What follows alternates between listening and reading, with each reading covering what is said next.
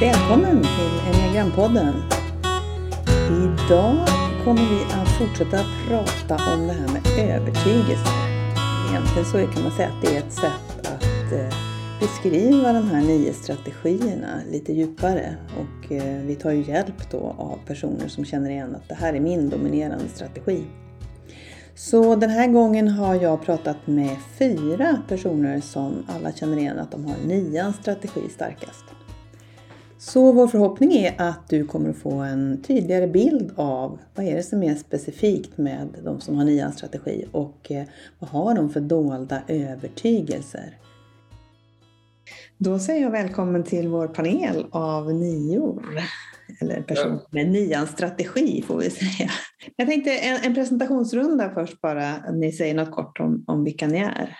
Vi börjar med Jonas då. Ja, Jonas Svanhed heter jag och eh, jobbar som utvecklingschef på ett eh, mediebolag. Har väl varit i kontakt med enneagrammet ja, men ungefär 20 år kommer vi väl fram till, lite mer eller mindre. Eh, så har gått steg ett-kursen med er. Ja, tack. Nästa, Anneli.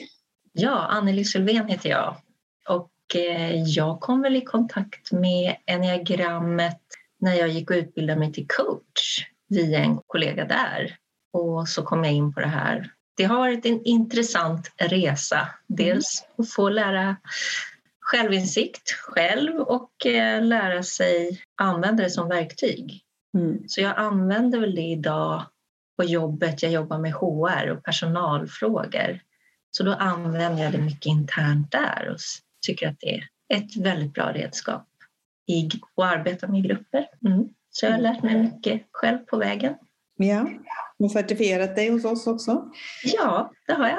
Om vi fortsätter med Jenny då? Ja, Jenny C heter jag och är eh, en eh, coach certifierad både inom ICF och eh, hos er Tina och Ann på Enneagram Center. Och jag, ja, jag coachar personer dagligen och satsar lite mer nu på att, att få stötta framförallt föräldrar och unga i deras livsval. Så. Spännande. Och slutligen Jocke. Jajamän, Joakim Sell heter jag. Jag jobbar som chefsrekryterare på ett headhuntingföretag kom väl i kontakt med eh, enneagrammet när vi bestämde oss, hela ledningsgruppen, för att gå steg ett och två har jag för mig. Ja, eh, precis, vi gjorde en specialare där med er. Ett par, tre, tre, fyra år sedan, något sånt där. Ja. Och jag är, är i det närmaste eh, färdigcertifierad. Alltså välkomna och jag är jätteglad att ni vill hjälpa oss andra att förstå mer om nian genom att prata om nians övertygelser. Vi tar i alla fall avstamp i det och sen kan man komma in på andra saker, det är helt okej. Okay. Men jag tänkte att jag för lyssnarnas skull då också dels repetera kanske det här med övertygelser. Vad är det vi menar? Vi har ju pratat om det i några poddavsnitt nu, men eh, om man har missat det så handlar det om att vi alla har bär på omedvetna övertygelser om hur världen är beskaffad, om hur vi själva ska vara och, och att man kan se att det finns ganska tydliga övertygelser i enneagramstrategierna och de leder till bitvis kanske en del av våra styrkor men framförallt att de kanske hämmar förändring därför att vi tror på dem och inte är medvetna om det. Så några övertygelser som vi har satt ihop kring nian är följande och det är det här som mina panelister här har fått också som material. Då har vi den första, det är inte okej okay att hävda mig själv. Vad som än händer, det är okej okay med mig. Allt löser sig med tiden. Det är bättre att tiga än att riskera en konflikt. Konflikter leder till splittring. Det är enklast om andra bestämmer. För mig är det inte så viktigt. Om andra är nöjda, då är jag nöjd. Ingen kan tvinga mig till något som jag inte vill. Jag undviker att säga nej, det låter så negativt. Där är ett litet axplock av övertygelser som kan finnas under nians strategi. Så jag tänker min första fråga, är det något sådär, vad sticker ut när ni har läst de här själva? Jag börjar med Jenny, vad skulle du säga att du relaterar till de här? Definitivt att det inte är okej att hävda mig själv.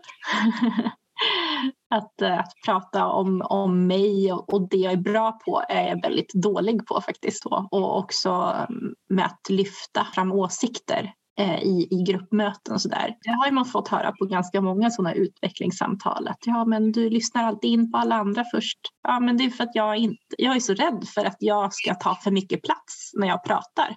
Att, mm. någon, att andra ska känna att de inte får plats. Så då väntar jag hellre tills alla har fått prata och sen så blir jag lite sur på mig själv de gånger som det händer att ja, där tog mötet slut eller nu ska vi komma till ett beslut och jag har inte fått säga något. För då finns det liksom ett lite underliggande att ja, men så som jag behandlar andra så vill jag bli behandlad.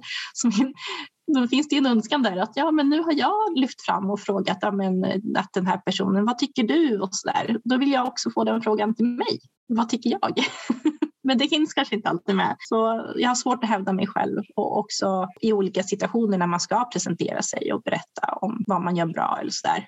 Till exempel på jobbintervjuer och så där. Så att det är nog svårt för många i, i Sverige men jag tror det är extra svårt för mig med nians strategi. Ja, just det. Vad säger ni andra om just den grejen? Känner ni igen er i det? Ja, jag kan känna igen mig i det absolut. Att jag väntar in och, och sen kanske inte tiden finns riktigt och har svårt att vara först på bollen. Utan jag vill gärna liksom ringa in allting innan jag säger vad jag, vad jag tycker. Och då, då kan jag, precis som Jenny sa, uppleva precis det där. Oj, tiden försvann och jag tog inte vara på den riktigt. Så då blir man mest lite besviken på sig själv. För det handlar ju inte om att man inte har idéer och tankar. Men lika li, precis också lika brukar jag tänka att om jag ger dig utrymme så är jag tacksam att få den tillbaka. Eller jag vill gärna ha den fast jag kanske inte säger det. Mm. Jag förväntar mig det. Och, då kan det, och det är inte självklart. Jag känner också jätteväl igen mig. Eh, inte minst det här med att jag har nog på alla utvecklingssamtal jag haft med alla chefer någonsin och jag har ändå jobbat sedan 1985 eh, fått höra att du borde, du borde ta lite mera plats Joakim och du säger så kloka saker när du öppnar munnen så, så prata gärna lite tidigare liksom, än att vänta in alla andra. Så att det här med att det, är, att det är övertygelse och sitter väldigt djupt i kroppen, det, det är en riktigt eh, härlig ögonöppnare. Och sen, men vi kommer ju till de andra i och för sig, men jag, jag känner liksom det här, det här med att ingen kan tvinga mig till det jag inte vill. Det, det är på något sätt som att det mesta är okej, okay, ända tills det inte är okej. Okay. Jag har lättare för att, jag har lättare för att veta vad, vad som inte är okej okay för mig och där är det hard stopp på något sätt. Mm. Men, men den sitter väldigt långt uh, utåt kanten om man skulle ha det på en linjal. Men kan det bidra i det här att man inte tar plats, att man blir lite sur sen på slutet då? Jag, fun jag fungerar inte så, utan för, jag, för mig är det verkligen, verkligen okej. Okay. Vad säger du Jonas? Mm. Ja, precis. Jag, men, jag håller verkligen med om det här. Jag tror att när jag tittar på mig själv, varför jag inte tar plats, alltså, grunden till det ligger nog mycket i min självbild, att jag inte har så mycket att, att bidra till, att jag inte känner mig så speciell speciell. Liksom. Mm. Och att mina åsikter är, alltså andra har mycket mer att bidra till, liksom, eller med. Det tror jag är det som ligger till grunden till att jag inte tar plats. Jag, kan, jag, jag känner inte riktigt det, att jag känner att jag har väldigt mycket att bidra med i gruppen. Liksom. Eller att jag har mycket idéer och så här, utan det är, nej men jag känner nog inte att jag har så mycket att bidra med. Och sen så finns det liksom, i det där så finns det väl någon form av osäkerhet så man vill sondera terrängen lite. Liksom, vad är det här för grupp? Hur, hur ska jag förhålla mig till det här? Liksom, och det tror jag kanske bottnar i rätt mycket att man vill ha någon form av harmoni. Liksom.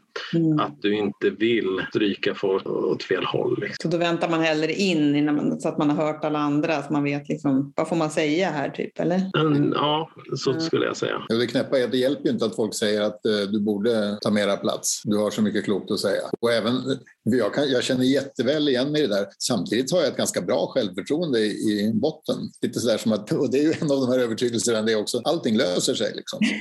när, när, när, det behövs så, uh, jag hörde du sa det i, i sexan-panelen här också, att det tydligen är en grej för nian. Det där att när det verkligen behövs, då kommer lösningen till mig på något sätt. Ja. Men kan jag lägga jag tycker ju om att just det här med att samla in allas olika perspektiv och hitta lite den här gyllene medelvägen och få med allting och göra en conclusion liksom där och väga in det och se. Det, det är nog viktigt för mig. Därför tycker jag det är viktigt att lyssna in alla. Jag kan se fördelar. Liksom. Ja, men världen vore ju en mycket bättre plats om, om det bara var nior. Det inte hända så mycket då tror jag.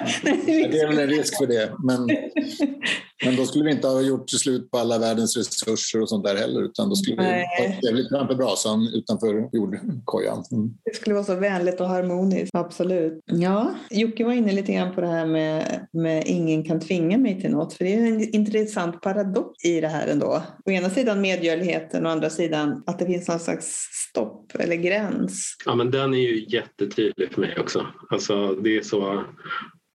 Men, men den, är, den är kanske inte... Man är inte så bra på att uttrycka det där heller. Alltså det blir ju någon, någon form, Jag får ju ofta höra av min fru framförallt att jag är ganska passivt aggressiv i hur jag liksom uttrycker mitt ogillande. Så det är återigen så liksom, där vill man ju också på något sätt hålla allt på någon jämn köl. Liksom. Man vill absolut inte göra det men jag vill helst inte att någon ska bli så upprörd eller märka att jag inte vill göra det här. Utan det är liksom, så därför så kanske man slutar prata om det eller ja, men man, det, det är mer ja, väldigt passivt liksom, i sitt uttryckssätt. I alla fall för mig. Mm. Säger ni andra, Jenny du nickar. Ja, ja det, jag håller med. Det är svårt att säga nej. Jag tror också det handlar om att jag fattar att det finns ramar, men jag vill kunna jobba fritt inom ramen. Så att jag vill inte känna mig styrd hela tiden. Och det är där att ingen kan bestämma över mig. Och ibland kan det vara bara av ett sånt där litet humör, alltså verkligen jättedålig jämförelse här, om hur, hur en sån här petig sak kan påverka. När, det var, när de visade Titanic på bio och alla tyckte det var en sån bra film. Och jag var ju lite så här, okej okej det är en bra film, jag kanske ska se den. Men de man pratade med körde ju ofta med, åh du måste se den för den är så bra. Och allt det måste, jag bara nej jag måste ingenting. Och så vägrade jag se den i typ 10-15 år innan jag såg den av en slump. Och det var bara för att folk sa att den är så bra, du måste se den. Och där kickade jag, liksom, kickade in. Nej, jag bestämmer själv. Ja. Så det finns någon känslighet när folk trycker på för mycket. Men då också den här passiva aggressiviteten kan, tror jag också är att okej, jag gör väl det då, men jag gör det på mitt eget sätt. Jaså, du vill att jag ska göra det snabbt? Ja, vi får väl se. Vad gör man istället då? Jag kan också jätte- väl känna igen det där. Liksom att rullgardinen går ner. Och det handlar inte om att egentligen... Det känns som jag inte kan styra det där. Att ingen kan tvinga mig. Det är, hela min kropp säger nej. Så kroppen säger nej före hjärnan säger nej. Lite det där med... Man undviker att säga nej för det låter negativt. Så ibland någon refererar till familjen. Om jag får en fråga från mannen. Vill du ha kaffe? Så säger jag ja. Lite tveksamt. Och det, han hör ju på mig att jag...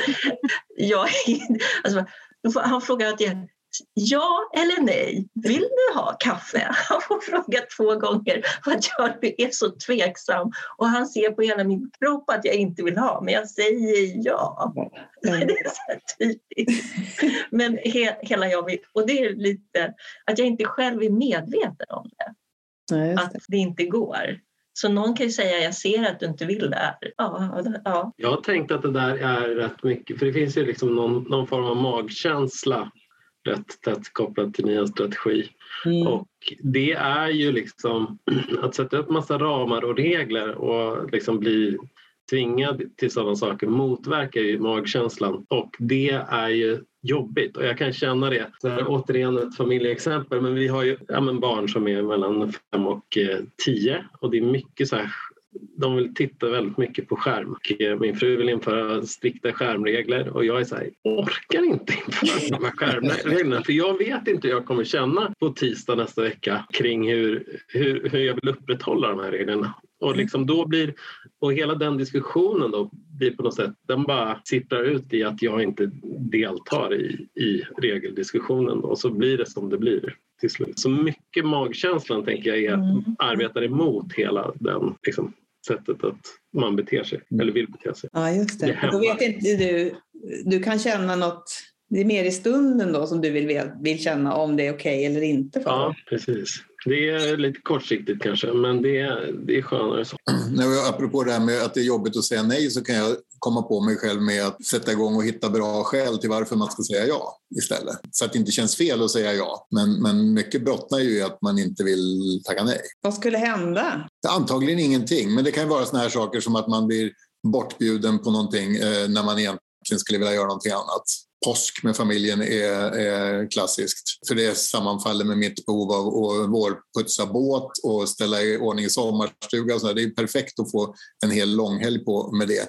Och sen så den ena efter den andra eh, grenen av familjen bjuder in till trevliga påskluncher som man så att säga måste gå på för annars känns det jävligt obekvämt.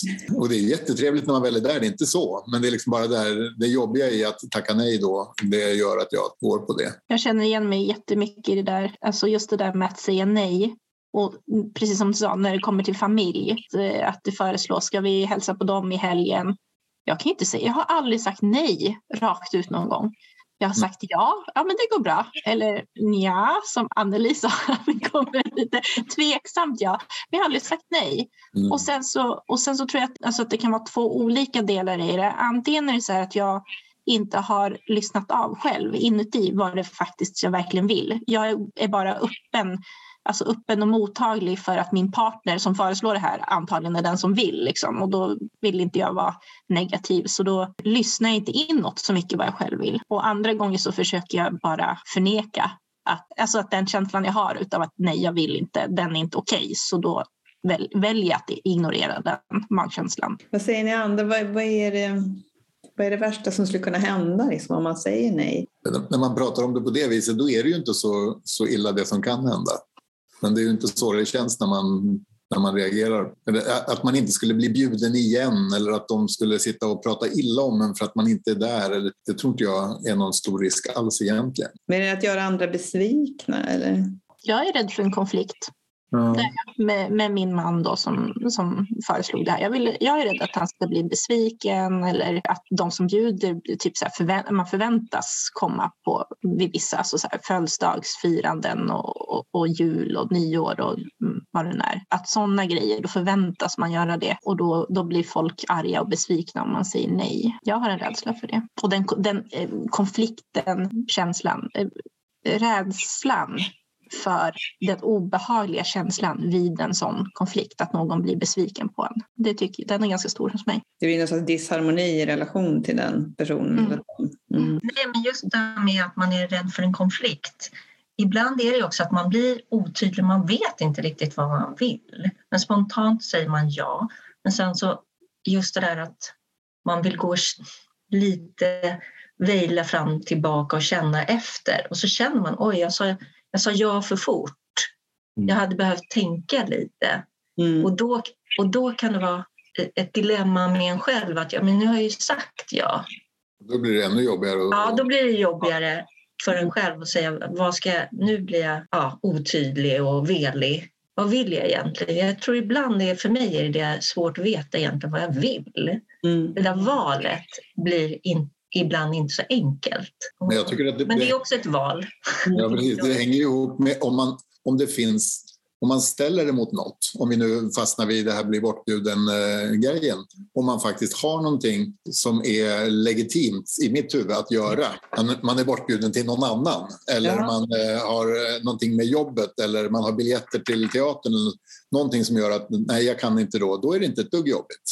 Exakt, mm. det, det är ett bra exempel. Men om, om jag bara ska sitta hemma och skräpa, vilket jag kanske skulle behöva göra för att liksom varva av, då har jag jättesvårt för att säga nej tack, jag har inte lust att komma på fredag. Är inte det också ett sätt att inte ta plats? Liksom? Att jag inte är värd den vilan för mig själv, alltså, eller det jag vill. Jag behöver en ursäkt först, en, en, en, en, liksom, en godkännbar ursäkt. Eller du är anpassningsbar till alla andra men inte ställer inte krav på andras anpassning till en själv. Liksom. Vad säger du Jonas? Ja, nej men jag kan ju också känna att i vissa situationer är det jättejobbigt att säga nej. Ja, det är väl det. Jag skulle också säga att det är, det är någon form av harmoni som man inte vill bryta liksom, i, i sin omvärld. Ja, kan ju vara lite... Ja, ja, jag har haft en historia av att inte alltid Ja, men alltså, när jag sagt ja, inte göra så. Alltså, på det passivt aggressiva sättet, att skjuta upp det nejet utan att egentligen säga nej. Då, men det händer inte det, det som jag ska göra. Och det är ju, om man ska prata om saker som skapar dålig stämning och dålig harmoni så är det det stör sig folk på liksom, på ett helt annat sätt. Så det, där blir det Ja, verkligen. Ja, men det är så kontraproduktivt så det finns ju inte. Men det är ju också för att det är svårt att liksom sortera inom sig själv. Jag håller med dig när det där. Man vet inte riktigt när man får frågan. Nej. Och sen så är det trevligare att säga ja och så bara nej, det här var nog dålig idé ändå liksom. Och så bara strunta i det. Snäppet värre än att inte svara på frågan, för det har jag varit med om någon gång. Man har fått mm. en inbjudan från någon som inte har känts eh, skitnära och sen så går tiden och jag har inte bestämt mig och så till slut så oj, nu har ju festen varit och jag, jag svarade inte ens nej tack. Liksom. Då känner man sig jävligt rutten efteråt. Så det, det låter som det är någonting med hastigheten där på något sätt. Att ja. ja, kommer så snabbt så att ni inte hinner med själva riktigt känna efter. Jag undrar om det är skillnad eh, privat och på jobb, i jobbsammanhang också delvis. Ja. Det, det, är klart att det är en, det är en sån här erfarenhetshistoria. Som, som eh, nybliven chef i början på 90-talet så hände det ju att jag sa sa ja till olika personer, liksom, saker som inte gick ihop. Att, eh, då, då, fick man ju ett elände i andra änden sen. Båda två har uppfattat att vi var överens och det var inte två förenliga saker. Liksom. Så där lärde jag mig den hårda vägen att eh, här måste jag faktiskt skaffa mig en egen uppfattning och sen stå för den åt, åt alla håll. Men det, var, det, var, det, var preskri, det är preskriberat nu för det var över 30 år sedan.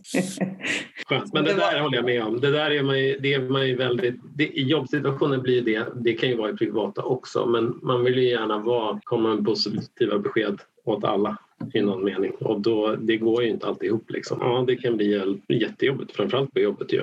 Och det, det lär man sig som sagt efter en stund att det funkar inte riktigt att hålla på så. Mycket bättre att få de andra två i samma rum och så kan man ägna sig åt att medla mellan dem. För att oftast pratar ju folk förbi varandra och om samma sak. Eh, och, så det är jag jättebra på. Ja, just det. Så hittar man en konsensus mellan dem sen, eller? Kan man stötta det fullt ut. Då behöver man inte ta ställning då heller. Men känner ni båda två att det är lättare numera, eller att ni har lärt er att, att, att säga nej och sätta mer gränser eller vara tydligare just i jobbet?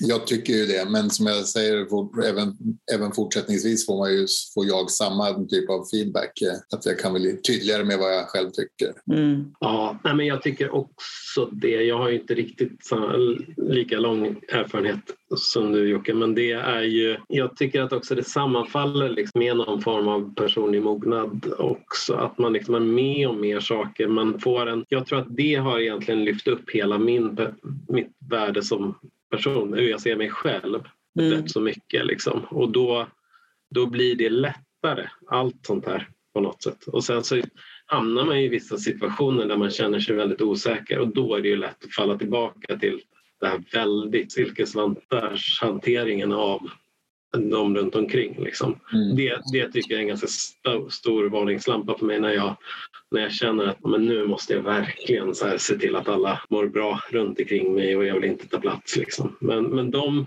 situationerna blir färre och färre tycker jag mm. genom livet. På ett sätt. Det tyckte jag var ett jätteproblem när jag var mindre, eller yngre.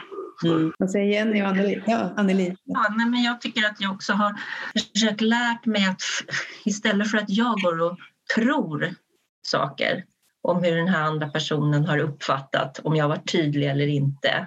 Eller om jag har varit för tydlig som jag går runt och tycker. Då, så frågar jag. Då får jag ofta nej men, att de inte alls tycker att jag har varit liksom för rätt på eller för tydlig eller sagt nej. Jag tror ju oftast att jag har tagit mycket större plats än vad som verkligheten har skett. Och då är det så skönt om jag ställer frågan. För då får jag kvitt då, så slipper jag liksom gå runt och tro en massa saker. Så det tycker jag att jag har lärt mig av, att fråga. Mm. Det är någonting där med självbilden också, om att det, har ju för sig tillbaka på det här med att man inte ska hävda sig, men att det finns en rädsla att ta för mycket plats och en övertro att man har gjort det kanske fast man inte har gjort det. Du skrattar till lite där Jocke, känner du igen det också? Att du kan... Ja, mm. jag, jag, jag satt och tänkte på långt innan jag fick veta att det var nia jag var är, har som strategi, så brukar jag liksom se tillbaka på min eh, barndom. Jag var, jag var liten länge, om man säger så. Jag var 1,49 när jag gick i sjuan och med pipig röst. Efter sommarlovet i åttan så var alla chockade för då hade jag vuxit en halv meter och kommit i, i liksom målbrottet. Men, men fram till dess var jag en liten plutt. Och någonstans inne i, i min numera 1,85 långa tidigare vd-kropp så är jag fortfarande den här lilla plutten. Mm. Det blev liksom en väldigt hård prägling på mig. Ja, det, det, det, det är det som gör att man ägnar sig, jag ägnar mig åt eh, självcensur och sådär. Tänker, tänker en tanke i ett möte, konstaterar att det där går ju inte av sju olika skäl, håller därför truten och sen så efter fem minuter så är det någon annan som kläcker ur sig samma sak och blir allmänt hyllad för att det var så innovativt och bra tänkt. Liksom. Och då så ska jag sitta där som någon slags sån här surgubbe och säga det där går ju inte, har ni tänkt på att liksom. Jenny, vad säger du? Eller något som kommer upp för dig kring det här? Jag tänker att det är skönt att många inbjudningar kommer via text. för då har jag lärt mig att det behöver inte svara på en gång utan då kan jag känna efter för det är så skönt att inte ha svarat ja och sen gå omkring och på båda sidorna. Ena sidan väga att så här, om jag säger nej nu så blir alla besvikna på mig. Fast om jag inte säger nej och lämnar återbud, då går jag omkring och är sur eller besviken hela tiden över den där tiden som jag egentligen hade velat göra någonting annat. Men att säga nej till partnern när det gäller släktbesök, det är någonting som jag får fortsätta jobba på.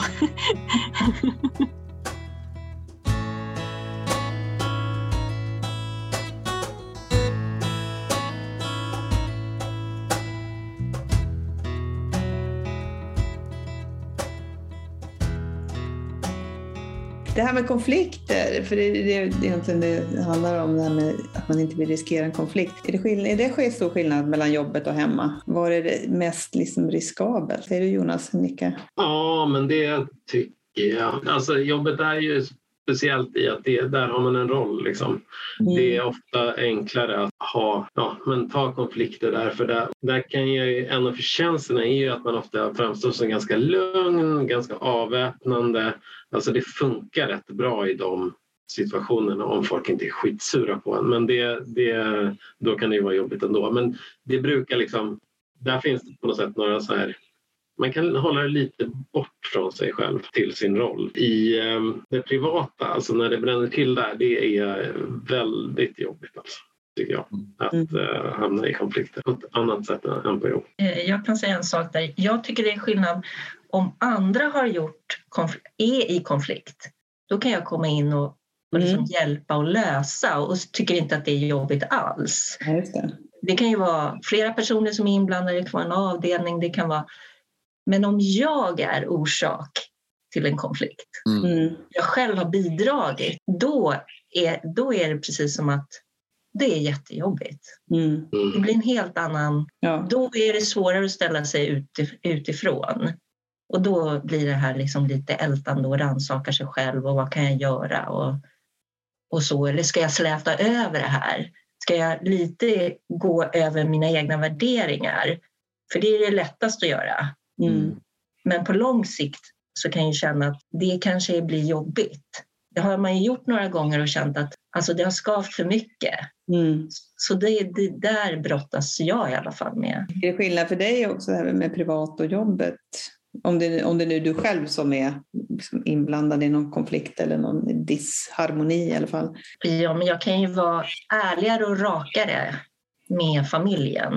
Mm. Vi är ganska så här känslomässigt, ja, det är väldigt mycket prat och raka och sådär. Så det har jag inte så svårt med. De, de är vana vid det. Men eh, om, går man lite utanför bland vänner mm. och släkten en bit ifrån, då, då kan det vara jobbigare. Absolut. Men jobbet tycker jag inte att det är samma sak. Om jag inte själv är orsak till det, då kan det vara helt plötsligt lite... Mm, mm. Då ska du ha startat det liksom? Ja, Ja. Jag, jag, jag, tänker också på jobbet när man har en roll så, så har man ju egentligen en stor fördel av att vara nia alla andra dagar för då har man på något sätt ett, ett stort eh, förtroendekapital att ta av. Så att ja. det, det, känns inte märkligt. Eller, man är inte en, en kolerisk typ som gormar hela tiden liksom, utan när man tar upp ett problem så, så lyssnar den som man tar upp det med på ett väldigt seriöst sätt. Så det, det känns inte obekvämt. Privat är jag en sån här usel grälare, det vill säga det undviker jag i det längsta och tror att taket ska rasa ner om, jag, om motparten ger sig på mig av något skäl. Fysisk, fysiskt obehag, torr i munnen och bara vill drypa iväg. Är det svårt att prata för sin sak då? Eller? Det låter så. Ja, det är klart. Det blir ju så. Så finns det någonting där kring att liksom formulera sig? Mm, kanske det. Precis. Nu händer det ju extremt, extremt sällan, kan vi säga. Men, men ändå. Och det är klart att det i vissa lägen hade det varit mycket bättre om man inte hade ägnat en, en eh, förhållandevis längre tid åt passiv aggressivitet tills båda har glömt bort vad det var vi egentligen var osams om. och, och tagit det lite mer här och nu. Jenny, vill du kommentera någonting där med kring hemma och jobb? Och... Med risk för att outa lite nu. Det, det, är ju, det är ju alltså, min partner är den som betyder mest för mig. Då vuxenrelation. Och när det är bra så är det bra och när det är konflikter så är det ju... Jag har ju aldrig känt att någon missförstår mig så mycket som min partner och det tror jag just är för att det är så jobbigt med konflikter. Mm. Men på jobbet då har man en roll och man har mandat att ta obekväma beslut men hemma ska man ju diskutera det och då är det liksom inga mandat på samma vis att, eller roll att iklä sig utan då ska man föra en diskussion och det kan vara jobbigt. Jag tror att det kommer tillbaka också till att just vara den här som flyter med eh, och inte har en egen åsikt. Men då har man ju gått emot sig själv flera gånger så mm. när, när det är tionde släktbesöket eller du vet, tionde beslutet, restaurangbeslutet som jag liksom ger med mig på fast jag inte är medveten om det själv. Liksom, mm. Då kommer den här explosionen. Men det är alltid du som bestämmer. Eller vi gör alltid som du vill och den här gången vill jag göra som, min, som jag vill. Men det vet ju inte den personen om eftersom jag inte har uttryckt det. Mm. Mm. Nej, det är spännande. Det är märkligt att det är så hårdkodat. Mycket av det här. Ja, det är mycket det här med att, att andra ska vara, att hålla alla nöjda. Mm. Precis. Om andra är nöjda så är jag nöjd. Ja, det blir lite Absolut. på bekostnad av er själva då, låter det som. Ja, ja och nej, liksom. i alla fall i mitt fall så, så, är det ju som, jag har anpassat mig alla, typ alla semestrar i hela mitt liv. Men jag har haft jättetrevliga semestrar. Det har inte gått någon nöd på mig överhuvudtaget. Men... Om du hade fått bestämma? Då hade vi gjort annorlunda. Ja. Så då finns det egentligen, du har ju sagt också att, att ni är oftast väldigt lättsam ändå, att man har är öppen för många olika alternativ ja. och flexibel. Och, känns det så? Men att det kanske finns saker som man ändå... Ja, det finns många ja, men det finns något nej också någonstans. Ja, men, det, men inte, inte på, i mitt fall i alla fall så, så är det där hardstoppet det är väldigt långt ut på kanten. Mm. Att det, det, det, handlar inte om huruvida man ska vara på landet eller ute och segla eller åka till eh, Kanarieöarna en vecka på semestern. Liksom. Utan det, det kan vara okej okay med mig alltihopa om, om bara liksom, hela flocken tycker det är bra.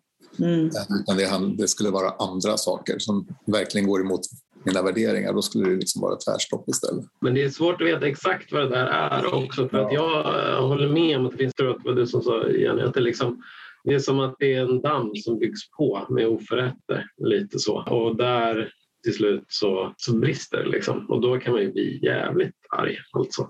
Men det är inte eller för mig är det inte så att jag vet så där, vad, vad vill jag göra på semestern? Alltså det, det är inte tydligt. Så det är inte så att om jag skulle få bestämma då i det givna tillfället så skulle inte det hjälpa. För då skulle jag inte veta vad jag skulle vilja bestämma. Men sen när det där då har blivit tio semestrar eller vad det nu kan vara så liksom har det byggt upp någon form av, man känner sig väldigt förorättad. Alltså. Och det, där, ja, det, det blir dubbelt.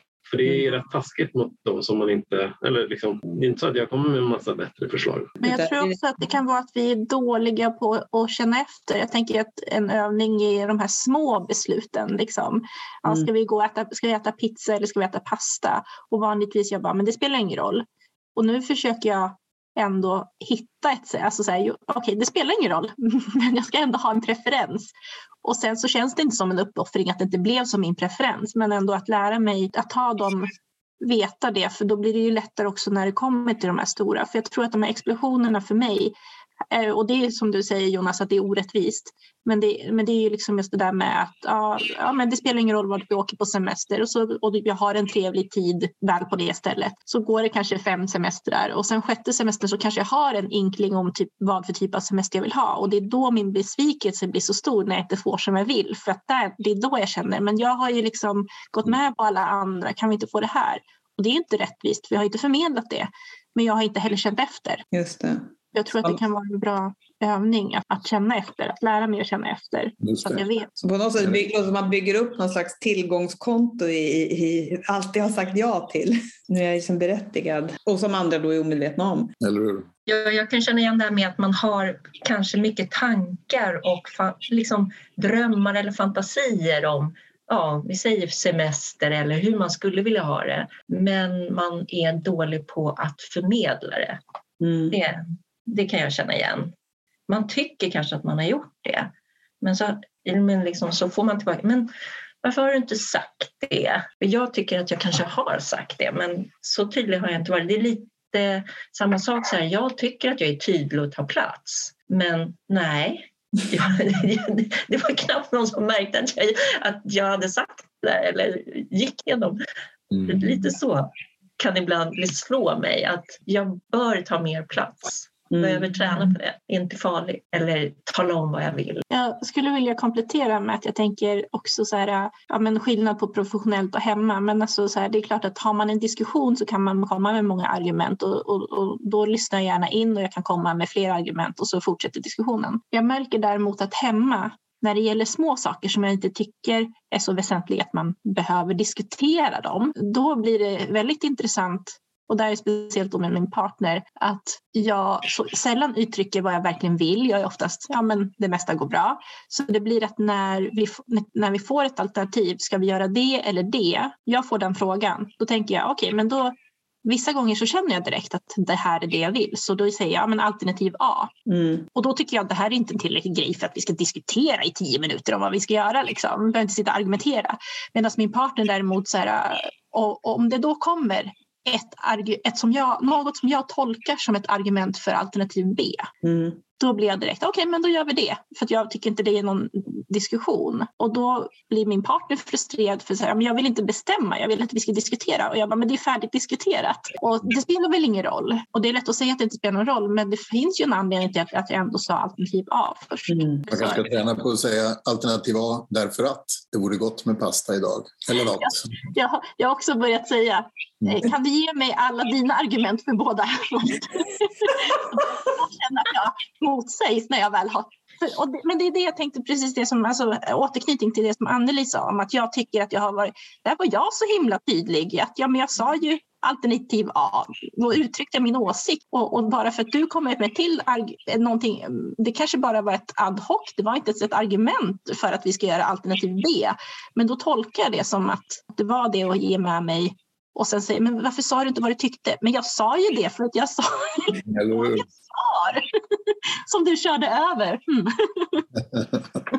Nej, och där kommer ju också sånt som kroppsspråk och alltså hur man pratar. Det, det, är klart att det kommer in, för ni tenderar ju att ha liksom ett, ett, ett mjukt och vänligt sätt att uttrycka er. Och då kanske det, det inte låter som att jag vill det här, utan mm, kanske skulle kunna. Det känns inte jättetydligt för andra kanske. Vill ni tillägga någonting på det här? Annars skulle jag vilja prata lite grann om den här övertygelsen att allt löser sig med tiden, för den tycker jag är spännande. Men så är det ju. Verkligen, jag håller med. Det här är liksom, behöver vi prata om det. Snacka om sanning. Ja.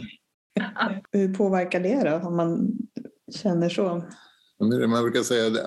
Allting blir bra när det blir klart och är det inte bra än så är det inte klart än. Ah, ja. Så det är någon relation till tid på något sätt, eller?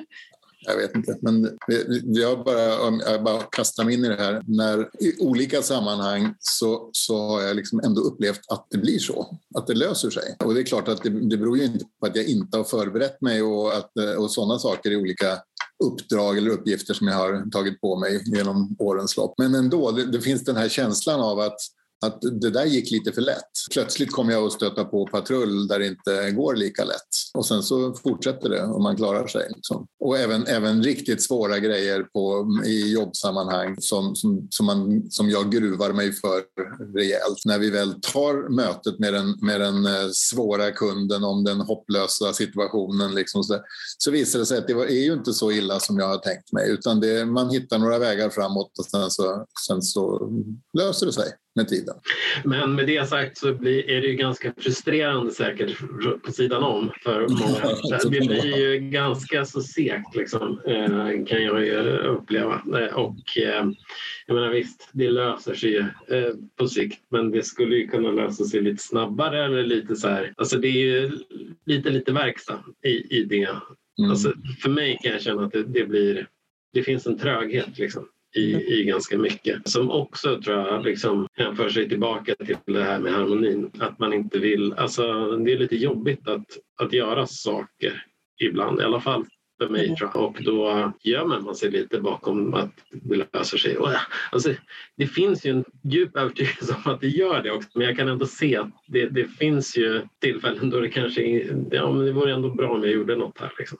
I mitt exempel där kanske det hade varit bättre att ringa den här besvärliga kunden, den hopplösa situationen, den eftermiddagen när man kommer på det istället för att prata om det måndagen därpå när man ändå har ett inbokat möte. För under tiden där hinner, ju, hinner det ju hända massa andra grejer också. Det ligger mycket i det. Mm. Är inte det ett sätt att eh, undvika och, ge sig in i den jobbiga situationen nu? Man avvaktar lite så kanske det löser sig självt. Eller blir, folk blir mindre, de hinner tagga ner lite, mindre upprörda, mindre besvikna, mindre vad det nu är, den här jobbiga känslan. Man hinner få lite ja, distans till det, tror man. Fast samtidigt så lägger man energi på att tänka på det. Surdegar har ju en tendens att inte sluta vara sura, liksom, utan de blir bara värre. Ja, verkligen. Jag tror att jag har också en eh, min fru är lite motsatt. Hon har sexans strategi och det är väldigt mycket action att tänka kring, alltså så problematisera saker medan jag försöker mycket mer släta över och där hamnar vi i någon form av motpoler också ibland som gör att jag blir extra, nu ska vi inte göra någonting. Det behövs inte. Så det är en del av den här passiva aggressiviteten? Ja, verkligen. Ja, nej, men till viss del också. Jag har precis eh, samma relation. Min särbo är, är ganska tydlig sexa. Hon har inte, hon har inte anammat enneagrammet så jag har inte fått göra en ordentlig analys på henne, men, men, men min analys är den. Och, och eh, liksom, hon tar alltid tag i saker väldigt tidigt. Om man ska ha gäster om en månad så vill hon börja diskutera menyer och äh, allt möjligt liksom nu. Men att jag är helt bekväm med att gå i ICA på lördag förmiddag och, och tänka ut vad jag ska bjuda på på lördag eftermiddag. Ja, exakt. Men de kommer ju inte för att äta, de kommer ju för att träffa oss. Och vi ska nog få dem mätta på något trevligt sätt. Liksom. Jag tänker att det här med att allt löser sig, det är också att man kan uppleva, precis som de var inne på, om, det, om det är stressade personer på jobbet eller hemma, familjen, då intar man ju på något sätt det här, liksom, då är det här lugnet och segheten i kroppen på något sätt bra, tycker jag. Mm. Då får man ju ner många på att bli lite lugnare och man kan diskutera och man kan vrida och vända och lite så. Mm. så då, då, ser jag det som en väldig tillgång att ha, ha det här. Och, och samtidigt vet man ju själv när man är i det här att man man skulle behöva få en kick i baken, det är lite segt. Då behöver man ju någon som kan kicka igång en lite i alla fall. Inte för mycket för då åker ju rullgardinen ner, men lite grann så här. Så det gäller att söka upp de där som man vet, ah, de får jag inspiration av. Och det tycker jag att jag försöker lära mig. Men jag ska understryka att det här med pandemin, på något sätt har jag tyckt att det varit lite skönt för det är okej att vara, vara hemma och ta det lugnt. Behöva boka hundra saker med olika människor utan jag, jag kan känna mig liksom att jag tycker att det är skönt. Mm. Var lite långsam. Ta det lite lugnt. Tänka mycket. Det löser sig. Jag tycker inte att pandemin har varit bra. Eh, jag tycker jag har blivit, jag har blivit mycket, mycket segare. Jag tror att jag saknar att vara inne på kontor. Jag kan, alltså det, är ju, det är dubbelt också för det är jätteskönt liksom, och, och bra på många sätt. Men jag tycker att jag märker att jag blir, jag behöver nog den här liksom interaktionen och, och det blir väldigt som startmotorer kring mig, i, framförallt kollegor då. Mm. Men även i, i det sociala generellt. Jag kan, jag kan tycka att det blir, det blir inte helt bra i den situationen. Så det, det blir för segt för mig. Mm. Nu jobbar jag med saker där vi inte jobbar hemifrån. Vi är på plats, så vi kan inte gå hem. Precis. Nej, men det, för att om man bara sitter med sig själv så att säga. Jag är helt värdelös på att sätta upp mål för mig själv. För det är ju inte riktiga grejer. Det är ju ingen liksom, det är, inga, det är inte deadlines på riktigt när, när jag har bestämt mig för att göra någonting till en viss dag utan det kan jag alltid ändra på, alltid förhandla bort så att säga. Medan deadlines mot andra människor som faktiskt förväntar sig att man ska göra någonting, det, de är ju liksom skarpa. Så det, det får ju saker och ting att hända. Mm. Det jag kan drömma om vad skönt det vore att vara klar med en uppgift vet, fyra dagar innan den måste vara klar så att man kan eh, vända och titta på det några varv och fila på formuleringen och sånt. Jag är alltid färdig 11.59. För jag börjar då 10.25 eh, liksom. Medan min, min uh, kära sexa, hon, hon är, hon är ju färdig med sina inlämningsuppgifter. Hon, hon läser distanskurser på universitetet och är, är färdig en vecka innan det ska vara klart i princip. Och sen så använder hon sista veckan åt att finslipa. Ja. Hon börjar direkt ta ut alla, alla böckerna och läser allting så fort hon kan. Men när jag har gjort sånt där då har jag ju sparat det helt i sista månaden. Jag tror du fick eh, min, eh, min skrivning till enneagrammet också, 23.59.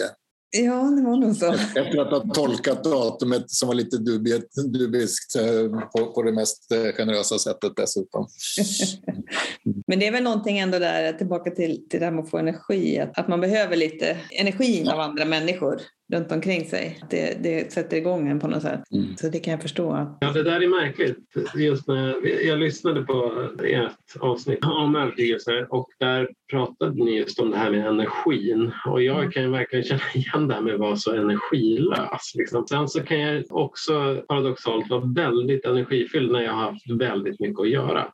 Alltså mm. det är som att det liksom tankar på energi mycket mer än att jag blir Ja, men det har väl att göra med det här med pandemin när man inte träffar så mycket människor. Det blir jättesegt. Men har jag haft liksom en superspäckad dag på jobbet så kan jag komma hem och vara mycket, mycket pickare. Jag har mycket mer energi än, än vad jag har. Och det är Ja, jag vet inte riktigt vad det beror på, men det är någonting jag noterat. Men om man har mycket att göra får man ju väldigt mycket mera gjort.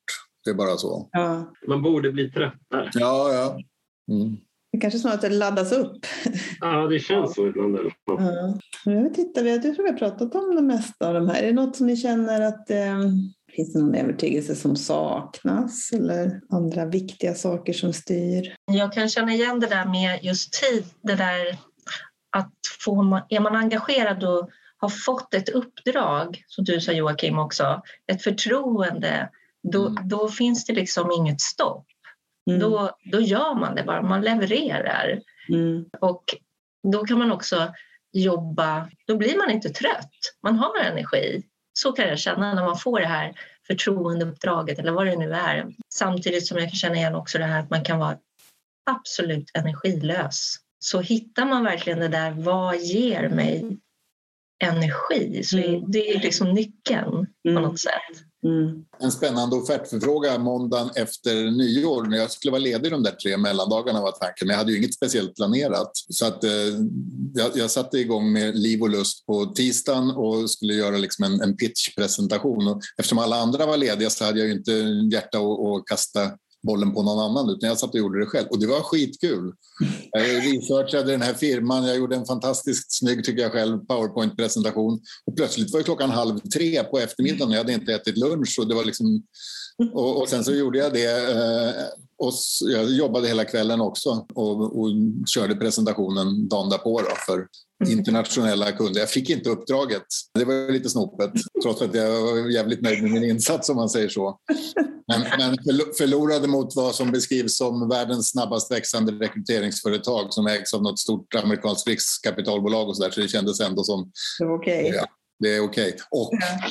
fick ett nytt uppdrag av samma, samma kunds svenska vd måndagen därpå. Så att det var ju, var ju väl spenderad tid den där tisdagen. Men just det här, vad kul det är och mm. vara tvungen att göra någonting när man tycker det är kul.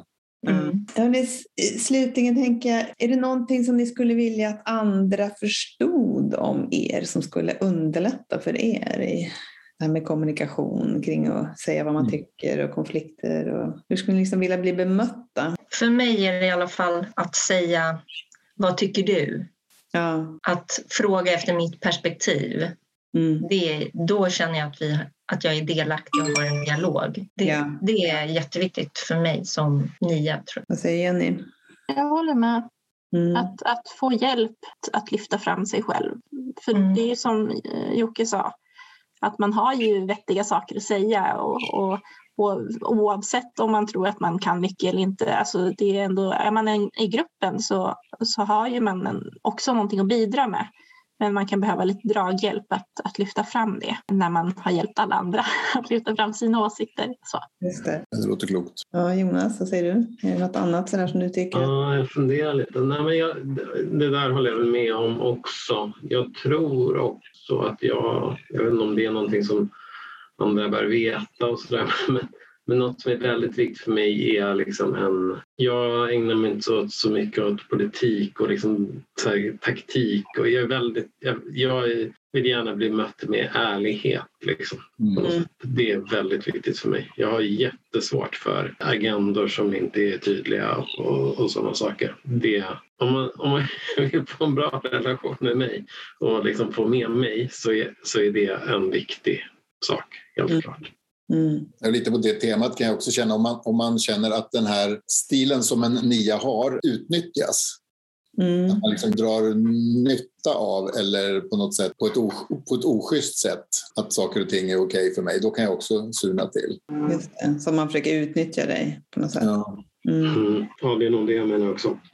Jag har också varit väldigt öppen sen jag lärde mig om enneagrammet att, eh, alltså med mina arbetsgrupper, att vara ärlig med att jag tycker det är svårt att ta plats. Mm. Jag är jätterädd för att tolkas som negativ. Så om jag någon gång är först på bollen med att uttrycka mig, eh, mina åsikter, ni får jättegärna säga att jag har fel, men säg det på ett schysst sätt. Liksom, eller att ni inte håller med, men säg det på ett schysst sätt så att jag ändå vet att det uppmuntras. Att jag vågar uttrycka mig och även kanske ibland att jag uttrycker mig tvärt gruppens önskning. Alltså, Mm. Att få något slags ändå positivt gensvar även om, även om inte ämne, att ni inte håller med om åsikten men ändå att, att jag får en klapp på axeln för att jag faktiskt uttryckte den. Mm. Det är någonting i samtalsklimatet där, att det ska kännas trevligt. Och... Ja, att jag får en bekräftelse på att det inte är att jag ställer mig mot hela världen bara för att jag uttrycker en åsikt som inte alla håller med om. Och det ger ju, gör ju också att det blir skönare för mig de gånger som jag har exploderat efteråt. Eller som jag tror att nu, nu djupnade min ton och jag tog mig ton och alla andra tycker bara att jag pratar lika normalt som någon annan. Liksom. Det känns också skönt. Mm. Okej, okay. men ehm, då ehm, hoppas vi att de som lyssnar tar med sig det här till sina personer de har i sin omgivning med nians strategi. Och så vill jag tacka er så jättemycket för det ni har delat. Jag tror att ni verkligen hjälper andra att förstå mer om eh, hur just ni funkar. Så stort tack! Tack för att vi fick vara med. Tack så mycket. Vi hoppas att du uppskattade det här avsnittet. Du får gärna gilla det på din eh, poddapp som du använder. Sen vill vi också passa på att tipsa om att den 10 maj på kvällen så har vi en sån här digital öppen föreläsning om du själv vill lyssna eller om du känner någon som du känner som du tycker behöver en introduktion till enneagrammet så är det ett bra tillfälle och vi har som tema då psykologisk trygghet. Alltså hur kan enneagrammet och det här med självinsikt bidra till psykologisk trygghet framförallt på företag och i team. Vi vill också påminna återigen om att det är en stor internationell enneagramkonferens i Stockholm under Kristi himmelfärdshelgen. Det är en fantastisk möjlighet att få träffa och lyssna på så många spännande internationella enneagramlärare.